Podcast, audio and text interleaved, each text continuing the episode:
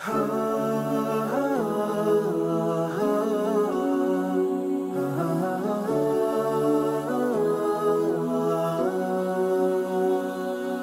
alaikum och hjärtligt välkommen till Koranpodden. Jag heter Sally och du lyssnar på poddavsnitt 224. Detta är podden för dig som vill fördjupa dina kunskaper om Koranens budskap genom att ta del av klassiska föreläsningar som berör viktiga ämnen och som dessutom är relevanta för människans framgång och lycka. Innehållet i denna föreläsning som du alldeles strax ska få lyssna på med rubriken Vänd dig till Allah hölls för intagna i en anstalt i Göteborg och ingick i projektet Prison Outreach som drevs av Tahara. I samarbete med Johanna Lehagen som då arbetade som muslimsk själavårdare i Göteborg fick jag möjligheten att föreläsa på en anstalt. Det var första gången i mitt liv som jag besökte ett fängelse och det var en märklig upplevelse men lärorik på samma gång. I denna föreläsning talar jag om vikten av att inte glömma bort att hjälpa de intagna och erbjuda dem en ny chans. Alla förtjänar en andra chans. Jag berättar om hur stor Guds förlåtelse och barmhärtighet är, hur lätt det är för människan att vända sig tillbaka till skaparen. Jag berättar också om min resa till fängelset, överlämnandet av all information och material om islam till de intagna som ingick i projektet Prison Outreach. Denna föreläsning är en del av konceptet på Koranpodden som jag kallar för klassiker från det förflutna. Innan jag startade Koranpodden var jag nämligen en flitig föreläsare, främst i Malmö men även i andra städer och orter i Sverige, såsom Göteborg. Dessa föreläsningar spelade jag in och publicerade via min hemsida Hikma-institutet det är just dessa föreläsningar som jag nu återigen publicerar via Koranpodden som klassiker. Jag hoppas du kommer uppskatta dessa klassiker från det förgångna. Okej, nog med försnack. Här kommer min föreläsning från Göteborgs moskén om fängelsebesöket och vikten av att vända dig till Allah.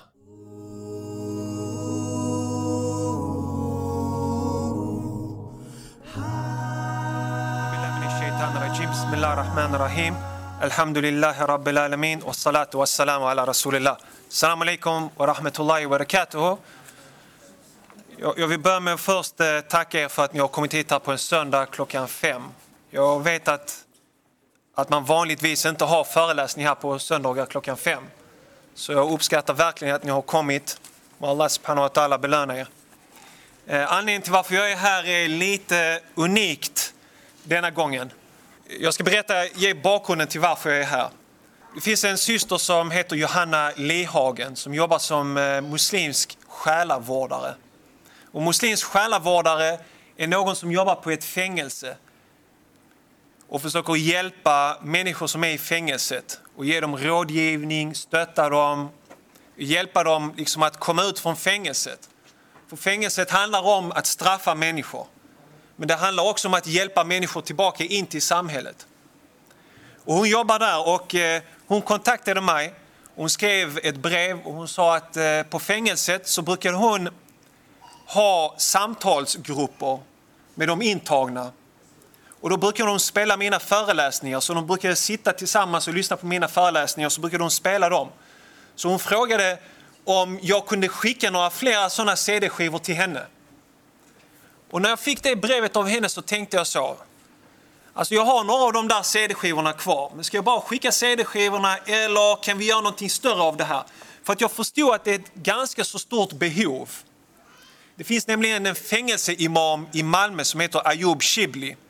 Som har jobbat som fängelseimam under många år. Och han har sagt till mig flera gånger, han sa till mig Sally, jag är i fängelset och det finns muslimer i fängelset.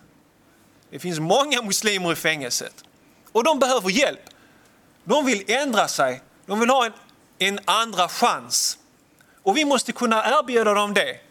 Och många av dem vill läsa Koranen. Och jag är fängelseimam men jag har ingen budget. Jag, hur ska jag köpa Koranen? Var ska jag få Koranen ifrån? De vill ha bönematta. De vill rad, eh, ha radband.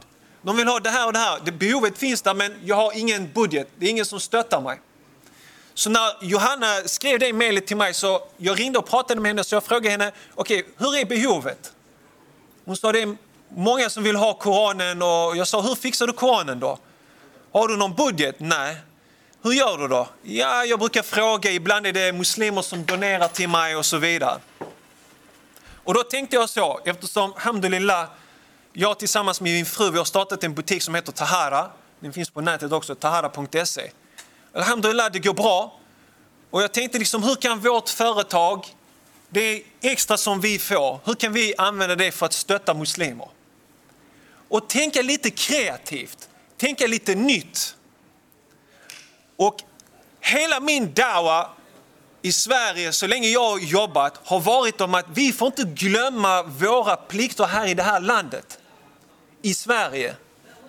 Därför att vi muslimer är väldigt duktiga på att det finns en kris i Syrien. Det finns föräldralösa barn där, vi måste samla ihop pengar dit. Vuh! Muslimerna samlas, bakar bullar, allting, samlar ihop pengar och så skickar vi det dit där. Det är en översvämningskatastrof i Pakistan. Vi är duktiga på att samla pengar. Det är en moské i Bosnien vars minaret behöver renoveras. Så imamen han ställer sig upp på khutba och säger att vi måste samla in pengar för att renovera minareten i Bosnien. Men jag säger att vi måste också fokusera och ta ansvar för det här landet. Vi kan inte bara säga att det är staten som ska ta hand om de här kriminella, de som är på anstalten. Det är kriminalvården som ska se till deras behov och ta hand om dem. När vi som bor i det här landet, det är vårt kollektiva ansvar att ta hand om de muslimer som sitter i svenska fängelser. Att hjälpa dem att komma tillbaka till samhället. Hur kan vi göra det? Om de vill ha Koranen, då ska vi kunna ge dem Koranen. Om de vill ha bönemattor, då ska vi kunna erbjuda dem bönemattor. Våra fängelseimamer och muslimska själavårdare som gör ett arbete på fängelser ska inte behöva gå till sina kompisar och fråga har du en extra bönematta? När man varit i svenska fängelser så finns det präster. De erbjuder Bibeln, de är där och jobbar flera timmar, de är inte bara en, de är flera stycken.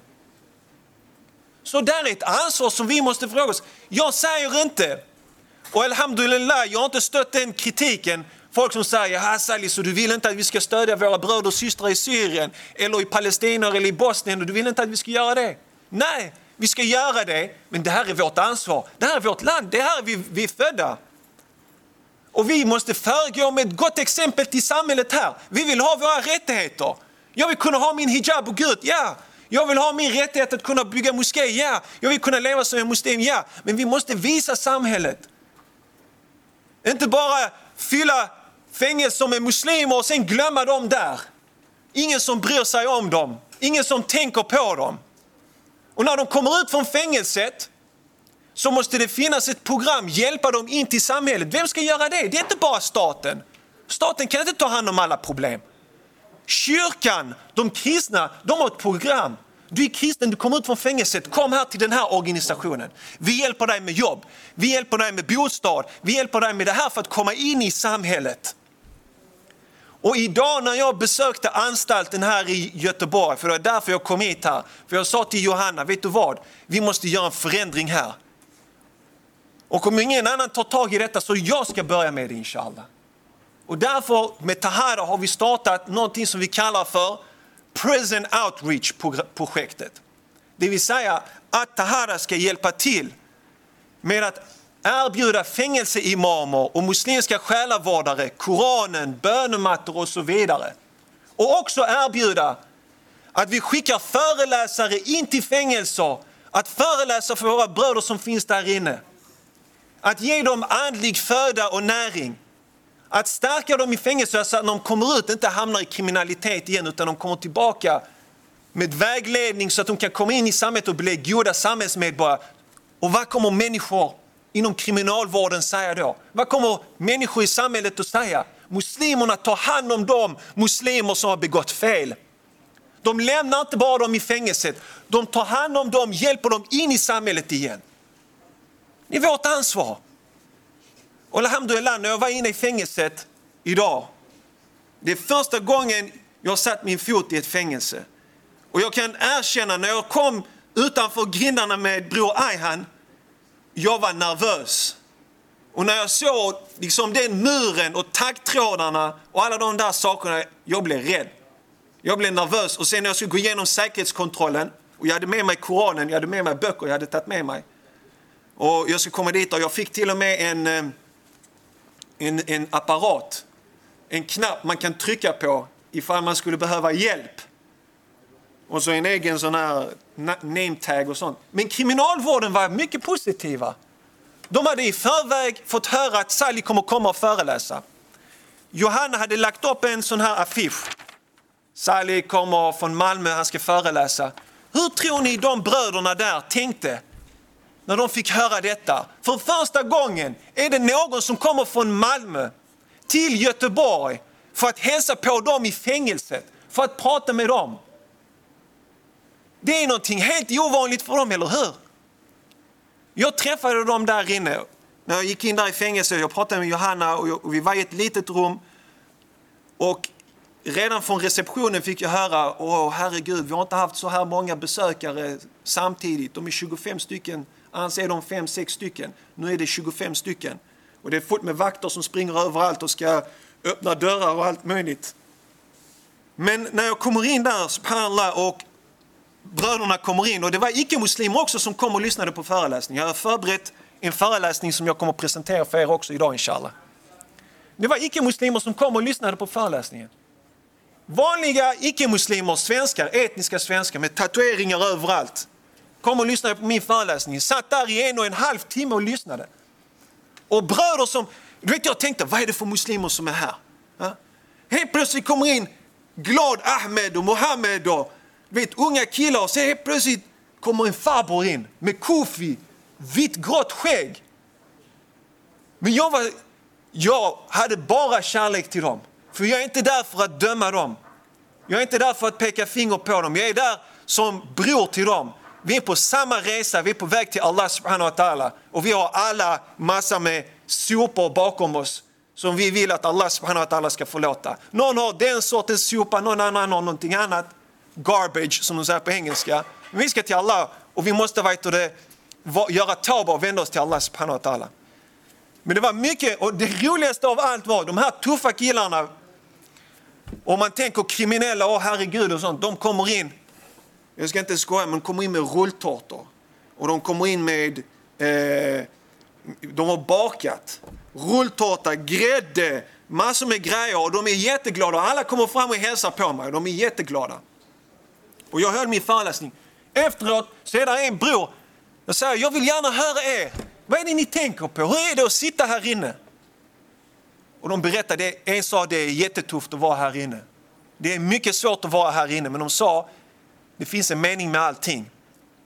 Det finns någonting gott med allting som är dåligt. Här inne vi har tid att fundera på vad jag håller på med mitt liv. Var är jag på väg någonstans? Och en av de bröderna han ställde en fråga som jag sa, jag ska ta med den här frågan till moskén. Han sa så här, bror, när jag kommer ut härifrån, jag behöver hjälp, för jag är som ett barn. När jag kommer ut härifrån, jag har ingen bostad, jag har inget jobb, jag har ingen som tar hand om mig. Vem kan hjälpa mig? För jag vet att de kristna, de har allt det där. Men muslimerna, var ska jag vända mig? Jag sa, bror, det här är en svaghet som vi har. Och det här är ett kollektivt ansvar. Var och en av oss är ansvariga för det här. Att ta hand om dem och hjälpa dem tillbaka in till samhället. Jag sa jag ska ta med det här. Många av er är unga. Men ni kommer att växa upp här inshallah och det är ni som kommer att driva de här olika organisationerna och driva moskéerna och sånt. Ni kommer att bli äldre och ni kommer att ta mer och mer ansvar. Kom ihåg det behov som finns här i Sverige. Så jag sa jag ska ta med dig, jag kommer att prata om det här, jag kommer att prata om det i Malmö när jag kommer tillbaka dit där inshallah. Men det, var, det gjorde en, en djup påverkan på mig när de var där och lyssnade. Och mashallah, allihopa lyssnade och alla sa till mig, när kommer du tillbaka nästa gång? De var liksom, alla satt där inne.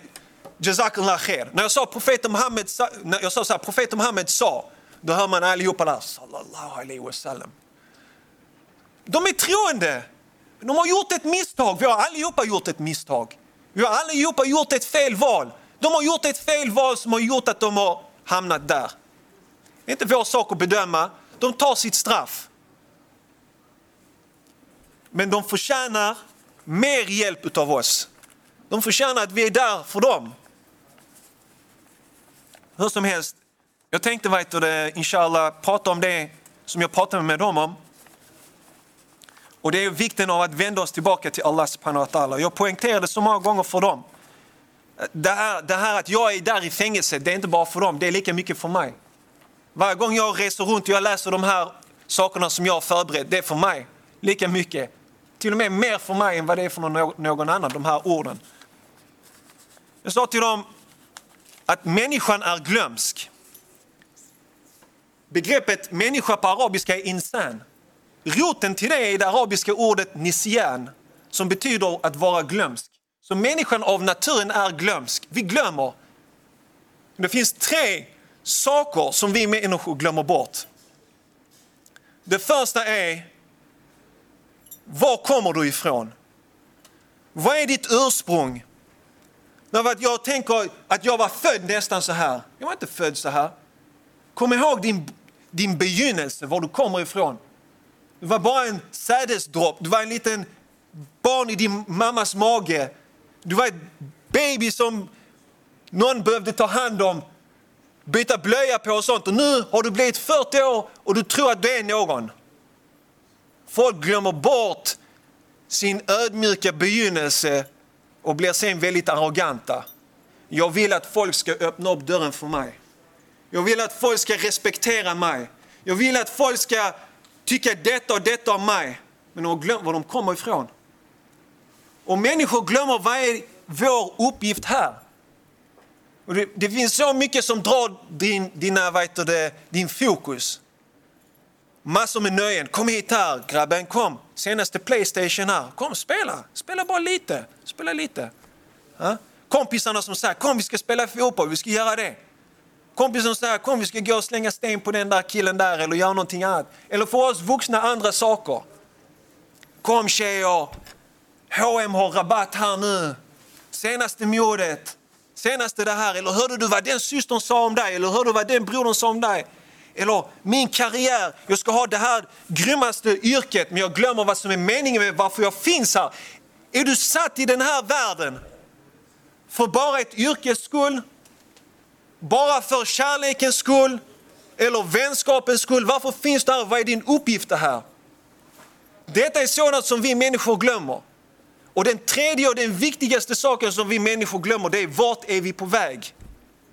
Vi tror vi ska leva här för evigt. Ni ungdomar som sitter här, ni tror ni ska leva för evigt. Men ni hörde idag och läste i tidningarna, han 25-åringen som blev skjuten. När han vaknade på morgonen och när han gick ut med sina kompisar, tror ni han i sin vildaste fantasi trodde att han skulle dö? Att hans tid var slut? Nej. Nu hade ni, vad var det för någonting? Göteborgsvarvet. Folk joggar och tränar hela året för att springa det här varvet.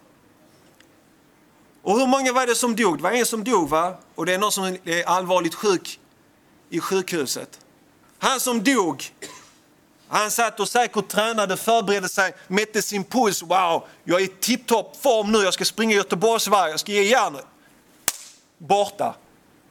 Och det är därför Allah subhanahu wa ta'ala sände ner Koranen.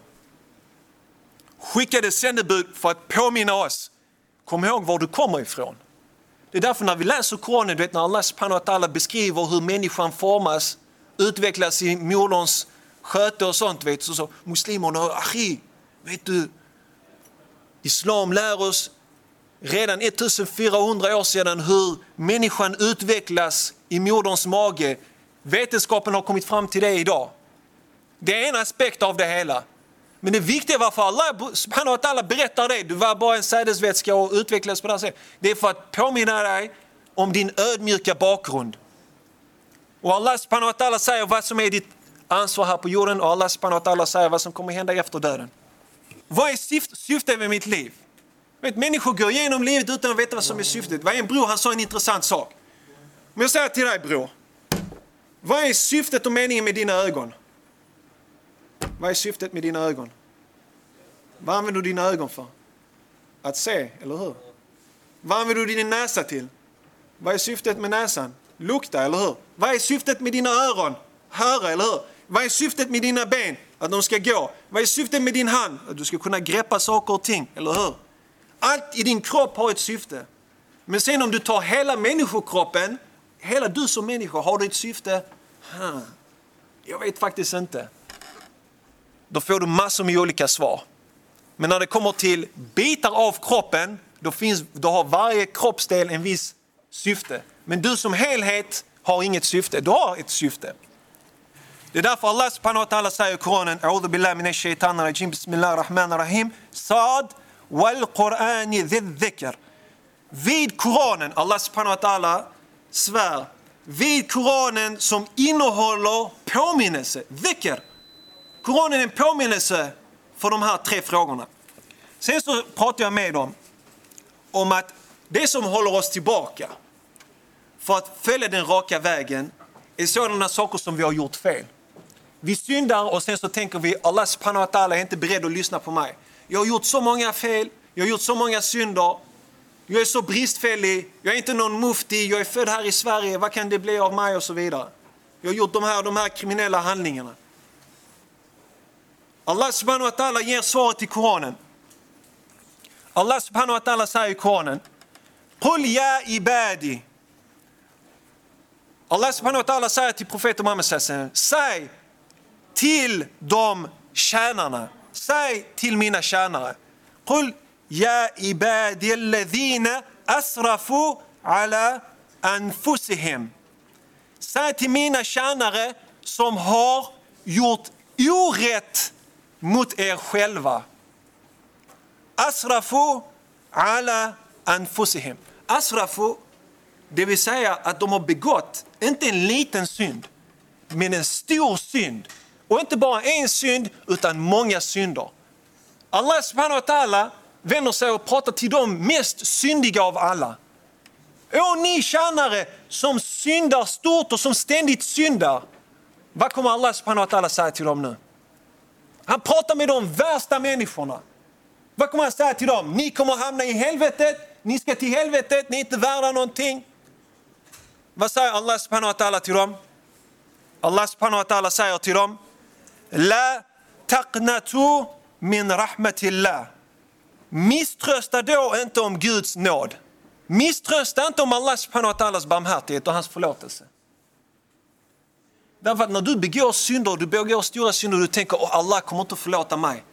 Allah kommer inte lyssna till mig. Kommer verkligen Allah förlåta mig? Det tvivlet har vi. Men Allah subhanahu wa ta'ala säger, La, han förbjuder dig att tvivla på Allah subhanahu wa ta'alas barmhärtighet. Nej, hans barmhärtighet är där och förlåtelse. Allah subhanahu wa ta'ala fortsätter att säga, Inna Allaha yaghfiru dhunuba jamia. Allah subhanahu wa ta'ala förlåter alla synder för att ge oss tröst. Oavsett vad du gör, han förlåter era synder. Innahu huwa ghafurur rahim. Han är den som ständigt förlåter, den som ständigt visar eh, barmhärtighet. Okej, okay. så jag sa till dem inne på anstalten, så jag ska ge er tre liknelser för att visa på Allahs subhanahu wa ta'alas barmhärtighet och hans förlåtelse. Hur mycket Allah subhanahu wa ta'ala älskar att förlåta människor. Detta här är barmhärtighetens religion, detta är kärlekens religion. Så jag sa den första är denna här. Det fanns, profeten Muhammed gav en liknelse. Han sa att det fanns en man med en kamel. På den här kamelen, han skulle på en lång resa. På den här kamelen lastade han på all mat, vatten som han behövde och så skulle han resa genom öknen. Okay? Om han reser genom denna öknen så är det inte som att du åker på motorvägen här om du ska åka till Malmö. Du kan stanna var 500 meter eller en kilometer finns det McDonalds, Pressbyrå och så vidare. Nej, om du färdas, detta är din kamel, detta är dina, det nödvändiga som du har och sen finns det ingen annan hjälp. Så han fyller den här kamelen med mat och vatten och sen reser han. Och när han reser så stannar han på en plats för att vila. Så han lägger kamelen åt sidan, maten och allting är på kamelen. Han vänder sig om när han vänder sig upp tillbaka för att se på kamelen, vad har hänt med kamelen? Den har sprungit iväg. Den är borta. Kamelen är inte där. Kan ni tänka er, mitt i öknen, stekhet, finns ingen vatten, finns ingenting du kan äta, du är helt öde mitt i öknen och din kamel är borta. Kan du tänka dig vilken depression du går igenom? Därför att du vet nu att det finns ingen utväg för dig, det finns ingen räddning för dig. Hur ska du kunna rädda dig? Det är kört! Du är historia. Det finns massor med människor som har dött i öknen på det sättet. De har förlorat sitt riddjur och that's khalas, det är slut. Så han tänker, loppet är kört för mig, så han lägger sig ner för att vila. Han tänker, det är okej, okay, jag kommer dö nu. Så han lägger sig ner för att vila. När han vaknar från sin vila och han tittar, vad är det för någonting han ser framför sig? Vad ser han framför sig? Kamelen har kommit tillbaka. Med packningen och allting. Så han blir så glad, säger profeten Muhammed Han blir så glad att han ropar ut och säger vadå? Är det någon som kan berättelsen? Bra, en ung kille här som kan det Han ropar ut och han säger Åh Allah! Du är min tjänare och jag är din herre. Det är kufur. Hur kan Allah vara din tjänare och du är herre över Allah subhanahu wa ta'ala? Nej, det ska vara tvärtom. Han ville egentligen säga Åh Allah, du är min herre och jag är din tjänare. Men ni kan förstå hur glad han blir. Ena sekunden han tror att han ska dö. En, en grym död. Tänk dig dö i öknen utan vatten, utan mat. Så han lägger sig ner och helt plötsligt så får han livet tillbaka. Så han ropar ut den här dua och han säger fel. Tänk dig själv att du var i den situationen. Hur glad hade du blivit? Att du har förlorat ditt liv och du får livet tillbaka igen. Du får en andra chans igen. Du hade varit enormt glad. Enormt glad. Du hade varit så glad du hade haft världens fetaste fest när du kommer hem sen. Bjudit alla dina vänner på eh, Pizza Hut eller jag vet inte, eh, Sarai eh, eh, restaurangen här i, Rosen, eller i Rosengård, här i Göteborg. Eller hur? Du hade varit enormt glad. Profeten Muhammed använder den här berättelsen och när han har berättat det här till sina sahaba så säger han Allah subhanahu wa ta'ala är mer glad över att förlåta sin tjänare eller han är mer glad över sin tjänares ånger än vad den här mannen är glad över att hitta sin bortsprungna kamel.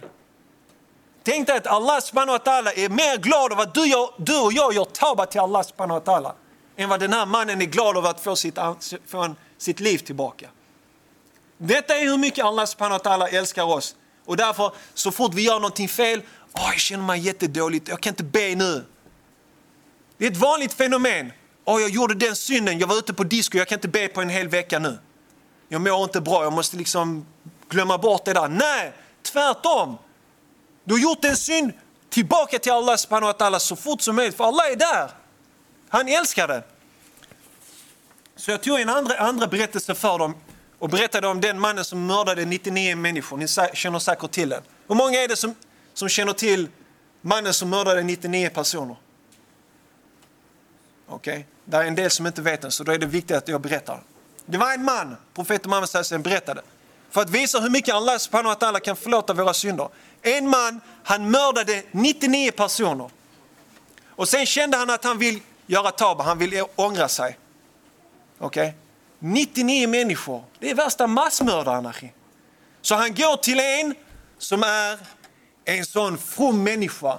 Han är en munk, för det här är innan islam, så han bor uppe på ett litet kloster. Han läser de heliga skrifterna, han gör ibada 24 timmar.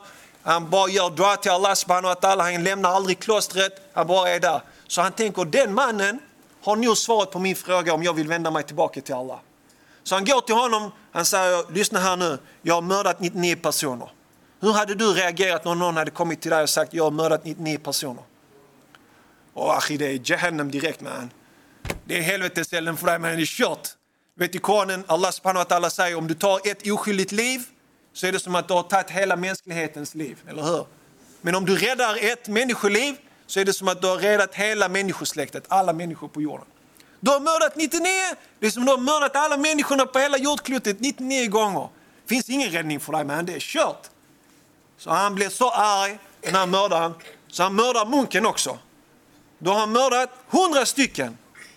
Så han lämnar det klostret och han får höra om att det finns någon som är kunnig, som är alem. inte abed. Han var en som tillbad Allah. Men han vänder sig till en som är Alem. Och det är detta som de lärda säger.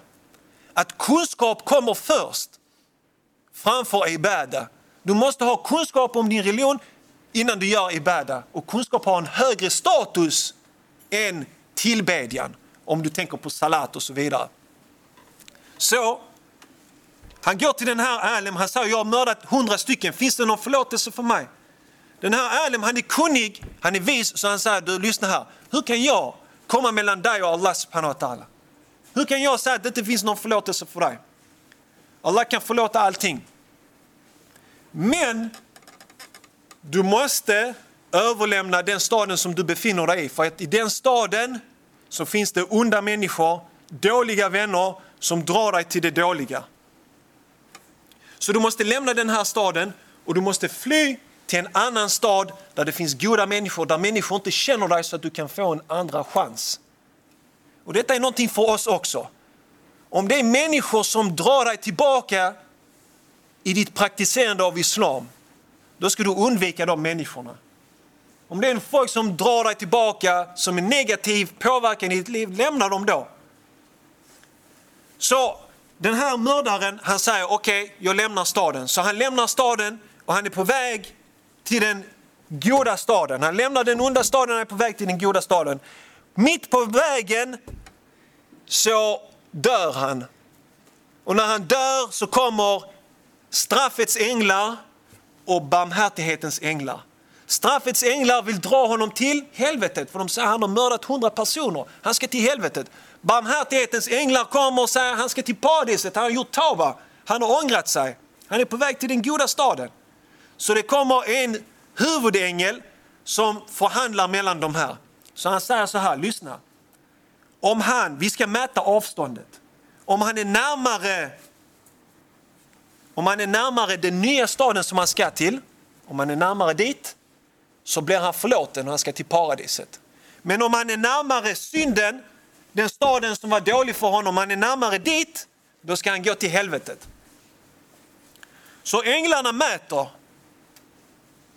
Och i en berättelse, en rapportering från profeten Muhammed så när de mäter så ser de att han är närmare den här staden som påverkade honom negativt. Så var ska han någonstans? Var ska han om han är närmare den staden? Helvetet! Så de mäter, de ser, han ska till helvetet. Han är närmare den staden. Och i den här rapporteringen från profeten Muhammed så står det att Allah subhanahu wa ta'ala ändrade på marken så att han förflyttades närmare den, sta, eh, den här staden som var god för honom. Kanske det var en jordbävning, kanske det var att jordskorpan ändrade på sig. Allah flyttade honom så att han kom närmare den staden så att han blev förlåten och kom till paradiset. Han hade hundra oskyldiga människors liv i sina händer. Min fråga till er är denna. Hur många goda gärningar hade han gjort? Hade han berg av eh, salat? Hade han berg av fasta? Vad var hans goda handling som gjorde att han förtjänade paradiset? Vad sa du? Tauhid och tauba, uppriktig ånger och handlande. Han bestämde sig, jag gör tauba och jag gör Tanna, jag ska ändra mig. Och Allah subhanahu wa ta'ala tog honom vid, vid, eh, under den tiden. En annan eh, hadith från profeten Muhammed som har gjort en stor påverkan på mig och som visar Allah subhanahu wa ta'alas barmhärtighet och förlåtelse för oss människor. Det är när profeten Muhammed befann sig med sina sahaba och det hade varit ett krig och muslimerna hade vunnit det här kriget så av fienderna, de hade tagit med sig sina familjer. Så då blev de krigsfångar. Så det fanns kvinnor och barn som var samlade på en sida. Och profeten Muhammed säger är här med sina sahaba. Och de ser bland de här kvinnorna en kvinna som är orolig. Hon går och tittar och letar efter sitt nyfödda barn. Och till slut hittar hon sitt nyfödda barn, så hon tar sitt barn i sin famn och ammar det här barnet. Och profeten Muhammed säger till de här sahaba, ser ni den kvinnan där? Ser ni hur hon tar, tar hand om sen, eh, ammar det här barnet. Ja, de säger, vi ser henne, ja Rasulallah. Profeten Muhammed sallam säger så här, tror ni att den här kvinnan skulle kasta sitt barn i elden? De säger, nej ja Rasulallah, titta hon ammar sitt barn, hon älskar sitt barn, hon tycker om sitt barn. Det mest intima en mor kan komma sitt barn är när hon ammar. Du vet, vi använder det här begreppet rahma, vi översätter det till svenska som barmhärtighet. Var kommer barmhärtighet ifrån? Det kommer från barmen. Det här är barmen hos en kvinna. Så barmhärtighet är härifrån när kvinnan håller och ammar sitt barn. Så profeten Muhammed sallam sa Allah subhanahu wa ta'ala Allah är mer barmhärtig till sina tjänare än denna kvinna är till sitt barn. Allah subhanahu wa ta'ala är mer barmhärtig mot sina tjänare än vad den här kvinnan är mot sitt barn. Allah har mer kärlek till de som försöker följa hans väg än vad denna kvinnan har till sin egen mor. Det är sådant som borde få oss att gråta så som det fick Sahaba att gråta. För de kände att vi får en, vi får en chans, vi får en möjlighet. För de var så rädda att de ska stå inför Allah subhanahu wa ta'ala och vad ska de göra med alla de synder som de har? Så Tauba, mina bröder och systrar, den har fyra principer. När du ska ångra dig. Och Tauba betyder inte att du bara gör Tauba när du gör någonting stort fel. Oh, jag gjorde någonting stort fel, nu ska jag göra Tauba. Nej, Tauba borde vara en del av våra liv hela tiden. Hela tiden. Det borde vara någonting naturligt. Precis som du dricker vatten eller du tar på dig dina kläder, så borde Tauba vara för oss också. Att vända oss tillbaka till Allah subhanahu wa ta'ala. Den första principen av Tauba är uppriktighet. Att du vänder dig till Allah subhanahu wa ta'ala, inte för att dina föräldrar säger det, inte för att din mamma tvingar dig, eller din pappa skickar dig till moskén eller någonting sånt där. Nej, du vänder dig till Allah subhanahu wa ta'ala inte för att människor ska säga mashallah, titta den här systern, hon är så from. Eller titta mashallah, den här brodern, han kommer till moskén hela tiden. Nej, du vänder dig till Allah subhanahu wa ta'ala av egen fri vilja och endast till honom. Och det är därför profeten Muhammed sallallahu alaihi wasallam han sa, och uppriktighet, var finns det någonstans? Var är uppriktighet? Kan jag se uppriktighet? Kan jag se din uppriktighet? Kan du se min uppriktighet? Nej. Uppriktigheten finns i hjärtat. Det är därför profeten Muhammed sallam sa Inna Allah la yanzuru ila ajsadikum wala ila suarikum walakin yanzuru ila qulubikum. Allah subhanahu wa ta'ala tittar inte till ert utseende eller till er form. Allah subhanahu wa ta'ala tittar till ert hjärta och till era handlingar. Så Allah subhanahu wa ta'ala bedömer inte oss om vi är en kvinna eller om vi är en man. Om vi är svart eller om vi är vit eller gul eller någonting annat. Om vi är vacker eller om vi är ful. Allah subhanahu wa ta'ala tittar till ditt hjärta. Och ingen annan kan titta till ditt hjärta förutom du själv och Allah subhanahu wa ta'ala. Om det är bara du själv som kan se in i ditt hjärta, om det är bara Allah subhanahu wa ta'ala som kan se in i ditt hjärta, då kan du heller aldrig döma din bror eller syster och säga den brodern eller systern är falsk. Eller bara hitta på bla bla. Därför att det är bara Allah och den personen som vet vad som finns och försiggår i den personens hjärta. Så uppriktighet är jätteviktigt.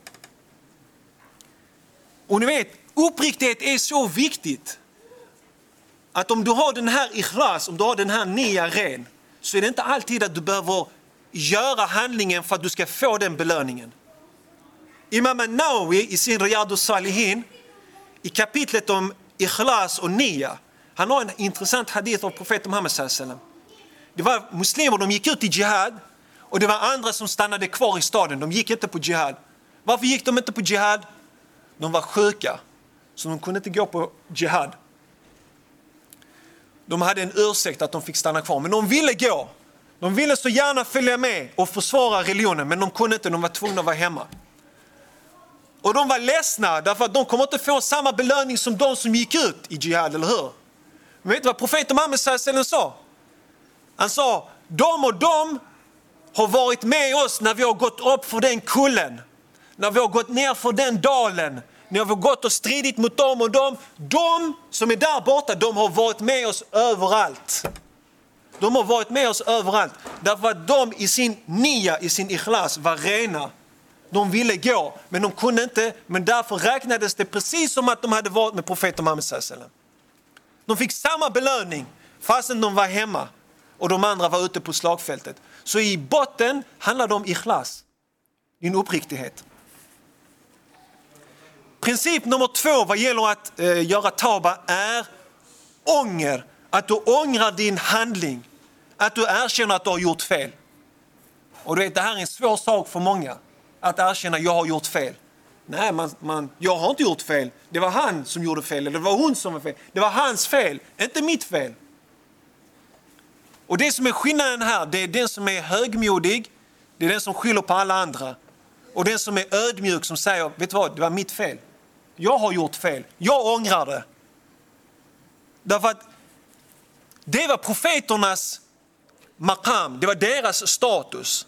De erkände, jag har gjort fel. Och de vände sig till Allah subhanahu wa ta'ala i ånger. Det perfekta exemplet är profeten Jona. Jona som eh, Allah subhanahu wa ta'ala sa, gå till det här folket och kalla dem till Allah subhanahu wa ta'ala. Så Jona han gick till det här folket. Han kallade dem till islam och folk bara skrattade åt honom. Sa du är dum, varför ska vi lyssna på dig, gå, dra, stick. De höll på så här. Så Jona han fick spel. Han sa, nej jag orkar inte längre, de här människorna vill inte lyssna på mig, jag ska överge och jag sticker från dem. Men Allah subhanahu wa ta'ala hade inte sagt till honom att han ska överge dem. Så han, eh, han stack därifrån. Han åkte en båt och vad hände när, det, när han var på båten? Det blev oväder. Och de som var på båten de sa det är oväder på havet därför att det finns någon här på båten som har gjort en synd. Så vi måste slänga bort denna personen från båten. Jonas sa det är jag som är förmodligen orsaken till att det blir storm så här. Så han hoppade ut från båten och vad är det när han hoppar ut från båten då är det en fisk som sväljer honom. Så han är i fiskens buk i havet. Vad är det för dua han gör till Allah subhanahu wa ta'ala? Säger han, ja Allah, det är inte mitt fel, de här människorna vill inte lyssna på mig, de bara spottar på mig. De kallar mig för dumma saker, det är deras fel att jag är här. Hade han sagt det? Och vad var det han sa? Han sa den här dua som profeten Muhammed har rekommenderat att vi ska säga. Som profeten Muhammed själv sa, som är en av de största dua du kan säga. La ilaha illa anta subhanaka inni kuntu mina zalimin. Jag är en av dem som har begått en synd. Ser ni skillnaden? Detta var Jona. Han var, vem var han? Han var Rasulullah, han var profet. Han var sänd av Gud. Men han sa, jag är en av dem som har begått fel. Och vem är, vem är motsatsen till honom? Allah subhanahu wa ta'ala ger oss i Koranen, var som Jona, var som profeterna, ta deras exempel. Men ta inte hans exempel den här. Vem då? Firaun. Han hade kibber. Musa salam kom till honom och sa, ja, du, släpp, släpp dem fria, låt dem gå fria. Nej, du ska prata så till mig? Anna rabbukum ala. Jag är er högsta herre. Jag är er herre, jag är er Gud. Kan du komma till en större arrogans än det? Kan en Gud göra fel? Nej. Så vem är du att komma och prata till mig så? Det finns ett annat exempel. Den första människan, Adam och Eva, de två första människorna, Adam och Eva, de befann sig i lustgården och Allah subhanahu wa ta'ala sa till dem, ni får göra vad ni vill, ät vad ni vill, roa er vad ni vill, gör allt vad ni vill. Men det här trädet, frukten av det här trädet, ni får inte lov att äta. Och vad hände? Vem kom och viskade? Shaitan. Och de åt av den här frukten. Vad gjorde Adam salam och Hawa? Må Guds frid vara över dem båda två. Sa de helt plötsligt, det var inte mitt fel, det är hans fel eller hons fel. Eller ångrade de sig inför Allah subhanahu wa ta'ala och gjorde dua till Allah och gjorde tauba. Och Allah subhanahu wa ta'ala accepterade den tauba. Det intressanta är när man läser i gamla testamentet så säger när, när Adam har ätit av frukten så upptäcker de att de är nakna så de börjar dölja sina privata delar. Och i gamla testamentet så hör Adam Gud komma i, i lustgården och så säger, han, så säger Gud till Adam, Adam, vad är det här för någonting? Har du ätit av den förbjudna frukten? Så Adam säger, Gud, det var inte mitt fel, det var kvinnan som du gav till mig som lurade mig. För inom kristendomen har man pratat om kvinnan som frästerskan. Det är hon som är den som frästar. För det var hon som sa till Adam, ta en liten bit av den, det är inte så farligt, kom igen. Så, hon, så när Gud säger till Adam så säger han, det var hennes fel, det var inte mitt fel. En sån klassiker. Men i Koranen finns inte den berättelsen. Adam salam och Hawa de eh, ber om eh, förlåtelse för det här och det är inga problem. Men vem däremot är det som säger, det är inte mitt fel, det är ditt fel som anklagar Allah subhanahu wa ta'ala. Vem? Shaitan. Han säger till Allah subhanahu wa ta'ala, det är du som har vilselett mig. Han hade kibber, han var inte beredd att erkänna att han har gjort fel. Så detta är den andra principen i Tauba, att ångra dig verkligen och erkänna för dig själv att jag har gjort ett fel och att, och att jag måste ändra på mig. Och den tredje principen är att hålla dig borta från synden. Hålla dig borta från människor som drar dig till den synden. Och det fjärde är att försöka gottgöra det. Om du har gjort, någon, gjort någonting dumt mot någon så försöker du förändra situationen, försöka förbättra situationen. Så, jag ska inte dra för mycket av tiden så att ni får möjlighet att ställa frågor och vi kan ha diskussion inshallah. Det viktigaste av allt är att vi ska vända oss till Allah subhanahu wa ta'ala. Allah subhanahu wa ta'ala är där. Och att vända oss till Allah, det är inte bara när vi gör en synd, det är att vända sig till Allah hela tiden. Allah subhanahu wa ta'ala säger فَذْكُرُونِي أَذْكُرُكُمْ وَاشْكُرُوا وَلَا تَكْفُرُونَ Kom ihåg mig, bevara mig. Kom ihåg Allah subhanahu wa ta'ala och Allah subhanahu wa ta'ala kommer komma ihåg dig och mig. Det kan kännas overkligt. Ja, en liten människa som gör så många fel och synder, Allah ska komma ihåg mig. Ja, det är Allahs rahma. Allahs rahma är större än dina synder. Man får aldrig lov att glömma det. Och det finns den här fantastiska uttalandet från profeten Muhammed när han sa att om du går till Allah subhanahu wa ta'ala så kommer Allah subhanahu wa ta'ala komma springande till dig. Så hur vänder vi oss till Allah subhanahu wa ta'ala? Hur minns vi Allah subhanahu wa ta'ala?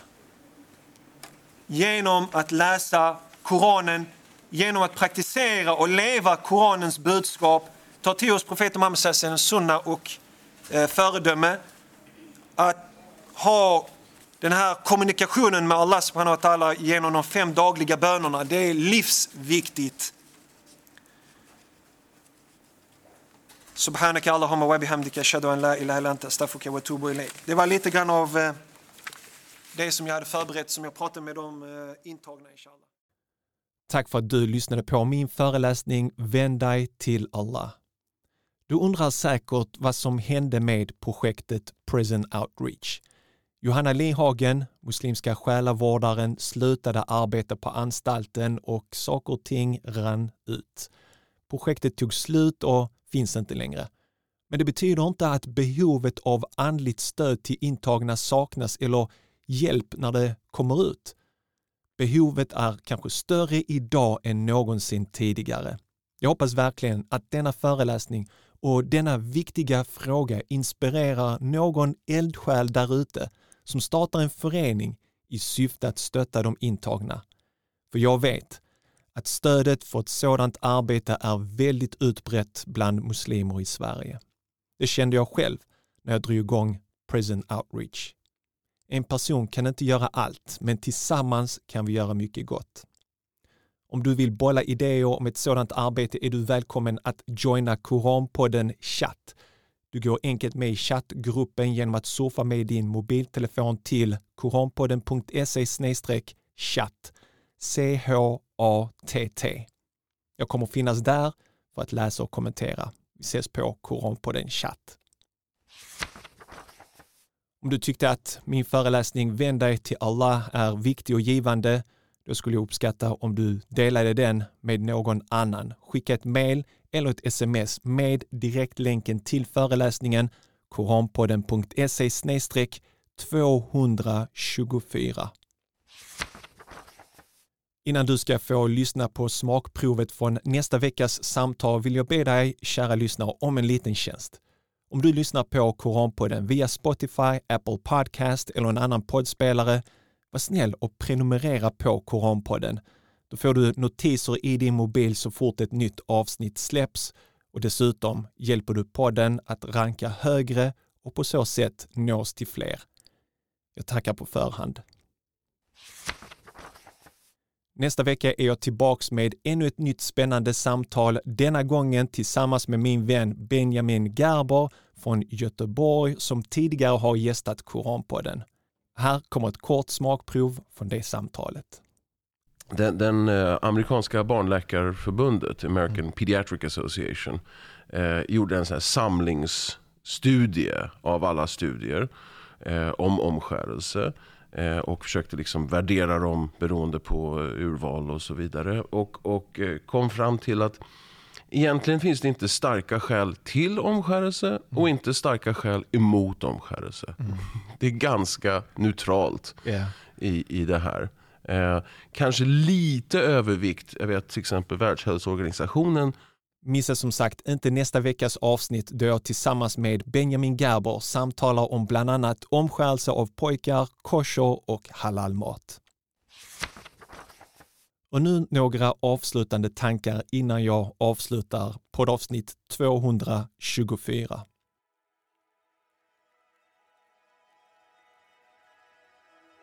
Allah leder mig på den raka vägen, ofta i ensamhet med ingen annan